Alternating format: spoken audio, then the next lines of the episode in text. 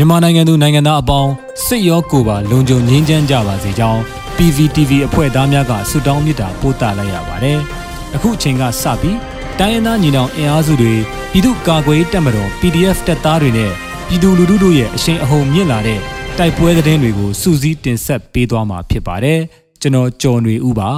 ။ပထမဦးစွာမိုးပြဲအခြေစိုက်ခမရ၄နှစ်နှစ်တက်ရင်ကင်းမုံကို PDF ဝင်တိုက်မှုစစ်သား3ဦးတေဆုံးတဲ့တဲ့တင်တင်ဆက်ပါမယ်။ ကရင်ပြည်နယ်နဲ့ရှမ်းပြည်နယ်အဆက်မိုးပြဲအခြေစိုက်ခမရ၄နှစ်နှစ်တက်ရင်ရဲ့ကင်းမုံကိုမိုးပြဲ PDF ကယနေ့နေ့နဲ့အစောပိုင်းမှာဝင်ရောက်တိုက်ခိုက်ရာစစ်သား3ဦးထံမှလည်းတေဆုံးကြောင်းမိုးပြဲ PDF ကသတင်းထုတ်ပြန်ပါတယ်။မေလ14ရက်နေ့နနက်အစောပိုင်းမိုးပြဲအခြေစိုက်ခမရ၄နှစ်နှစ်တက်ရင်အနီး၌ကင်းမုံဝင်နေတဲ့အကြမ်းဖက်စစ်ကောင်စီတပ်ကိုမိုးပြဲပြည်သူ့ကာကွယ်ရေးတပ် MBPDF ကပျောက်ကြားဝင်ရောက်တိုက်ခိုက်ခဲ့ကြောင်း ပြစ်ခတ်မှုကြာချိန်မိနစ်30အတွင်းအကြမ်းဖက်စစ်ကောင်စီတပ်ကိုအနီးကပ်ဆွန့်ဆွန့်ဆာဆာပြစ်ခတ်ခဲ့ရာအကြမ်းဖက်စစ်တပ်ဖက်မှ3ဦးထပ်မံတေဆုံးခဲ့ပြီး MBPDF မှရဲဘော်2ဦးထိခိုက်ဒဏ်ရာရရှိခဲ့ကြောင်းထိခိုက်ဒဏ်ရာရရဲဘော်2ဦးဟာစိုးရိမ်ရတော့လဲမိုးပြဲ PDF Rescue Team MPRT ကစနစ်တကျကုသပေးလျက်ရှိကြောင်းသိရှိရပါတယ်။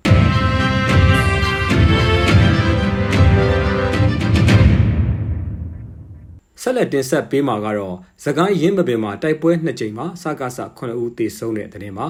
သခိုင်းတိုင်းရင်းမပင်မြို့နယ်ကြောက်ပြုတ်ရွာကန်စုရွာနဲ့တရော်ချင်းကျေးရွာအနီးမှာဒေသခံကာကွယ်တပ်ဖွဲ့များနဲ့အကြမ်းဖက်စစ်တပ်တို့မေလ23ရက်နေ့မှာတိုက်ပွဲနှစ်ကြိမ်ဖြစ်ပွားခဲ့ပြီးစစ်သား9ဦးသေဆုံးခဲ့ကြောင်း KLG PDF တပ်ဖွဲ့ထံမှသိရပါဗျ။ပထမအကြိမ်ထိတွေ့တိုက်ပွဲဟာယမနေ့နနက်ပိုင်း၌ကျွန်းတော်လေးကျေးရွာနဲ့ကြောက်ပြုတ်ကျေးရွာအနီးမှာဖြစ်ပွားခဲ့ပြီးဒေသခံကာကွယ်ပူးပေါင်းတပ်ဖွဲ့မှရဲဘော်3ဦးထိခိုက်ဒဏ်ရာရရှိခဲ့ကမြောက်ရမားပြည်သူ့ကာကွယ်ရေးတပ်ဖွဲ့ကအချိန်မီကယ်ထုတ်နိုင်ခဲ့ကြောင်းသိရပါဗျ။ ရင်းတို့တိုက်ပွဲဖြစ်ပွားပြီးနောက်အကြမ်းဖက်စစ်တပ်ဟာကြောက်ပြုတ်ကျေးရွာမြောက်ဘက်ကိုဆက်လက်ထွက်ခွာသွားပြီးယမနေ့ညနေ၄နာရီခန့်၌ဒုတိယအကြိမ်ထပ်မံတိုက်ပွဲဖြစ်ပွားခဲ့ကဒေသခံကာကွယ်ပူးပေါင်းတပ်ဖွဲ့မှရဲဘော်တအူထိခိုက်ဒဏ်ရာရရှိခဲ့ကြောင်းသိရပါဗျ။စစ်တပ်ကိုဒေသခံကာကွယ်တပ်ဖွဲ့များဖြစ်တဲ့ကနီ People's Defense Force KLG နဲ့ရင်းမပင်ကနီညီနောင်မဟာမိတ်တပ်ပေါင်းစုတို့ကပူးပေါင်းတိုက်ခိုက်ခဲ့ခြင်းဖြစ်ပြီးစစ်သား9ဦးသေဆုံးကတော်လန်ရဲဘော်4ဦးထိခိုက်ဒဏ်ရာရရှိခဲ့ပါတယ်။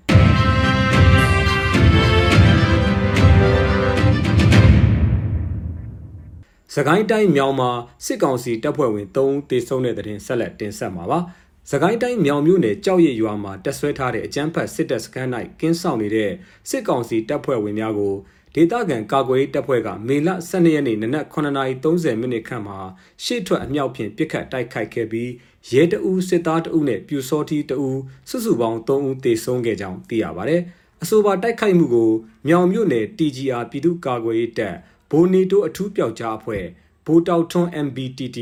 11 Brothers BGF မြင်းကြံစော်ဘွားကြီး MPDF တပ်ဖွဲ့တို့ကပူးပေါင်းတိုက်ခိုက်ခဲ့ခြင်းဖြစ်ကြောင်းသိရတာပါဆက်လက်ပြီးမုံရွာမန္တလေးလမ်းပိုင်းရှိစစ်တပ်ရင်တန်းမိုင်းဆွဲခံရက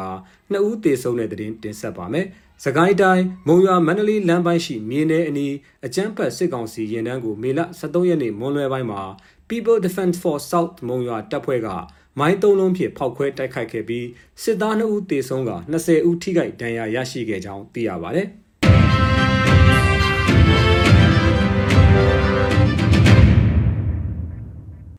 ဆက်လက်ပြီးရေစကြိုကြေးရွာ၄ရွာမှနေအိမ်ကိုမိရှို့ဖျက်ဆီးခဲ့တဲ့စစ်တပ်ကို PDF 18ဖွဲ့ကပူးပေါင်းတိုက်ခိုက်မှုစစ်သား22ဦးသေဆုံးတဲ့တဲ့တင်တင်ဆက်ပါမယ်။မကွေးတိုင်းရေစကြိုမြို့နယ်ရှိကြေးရွာ၄ရွာမှနေအိမ်များအားမိရှို့ဖျက်ဆီးခဲ့တဲ့စစ်တပ်ကို ပြည်သူ့ကာကွယ်အဖွဲ့ PDF 18ဖွဲ့ကပူးပေါင်းတိုက်ခိုက်ရာ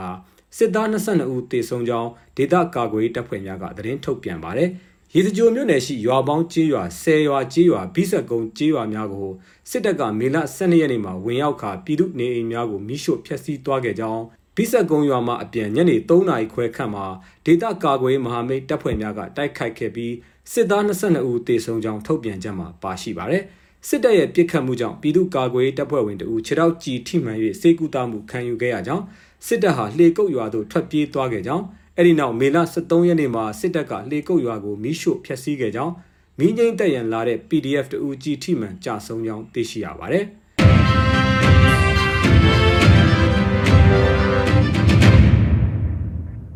နောက်ဆုံးအနေနဲ့လိတ်တူမြို့နယ်ကွဲမှာစစ်တပ်နဲ့ KNL ပူးပေါင်းတပ်များတိုက်ပွဲဖြစ်ပြီးစစ်ကောင်စီဘက်မှအ ਨੇ စုံ2ဦးသေဆုံးတဲ့တဲ့တင်တင်ဆက်ပါမယ်။ကရင်ပြည်နယ်တန်တောင်ကြီးမြို့နယ်လိတ်တူမြို့နယ်ကွဲမိုင်းလွန်အလဲရွာအနီးမှာယမနေ့မေလ23ရက်နေ့နက်ပိုင်းလိတ်တူအခြေစိုက်ခမရ6303တပ်ဖွဲ့နဲ့ KNL ပူးပေါင်းအဖွဲ့များကြားတိုက်ပွဲဖြစ်ပွားပြီးစစ်ကောင်စီဘက်မှအ ਨੇ ဆုံး2ဦးသေဆုံးကအများအပြားဒဏ်ရာရရှိကြောင်းသိရှိရပါတယ်။ ညနေ၄နာရီခန့်မှာအဆိုပါဒဏ်ရာရစစ်သားများကိုစစ်ကားနှစ်စီးဖြင့်လာရောက်တဲဆောင်တဲ့စစ်ကောင်စီတပ်ဖွဲ့ကို KNL ပူးပေါင်းတပ်ဖွဲ့ကမိုင်းခွဲတိုက်ခိုက်ရာစစ်သား2ဦးပွဲချင်းပြီးတေဆုံးသွားကြောင်းဒေတာသတင်းရင်းမြစ်ကဆက်လက်ပြောဆိုပါရယ်လိတ်တူမြို့နယ်ကွယ်မိုင်းလွန်အောက်ရွာအနီးရှိစစ်ကောင်စီရှေ့တန်းစခန်းကို KNL တပ်ရင်း9နဲ့ PDF ပူးပေါင်းတပ်ဖွဲ့က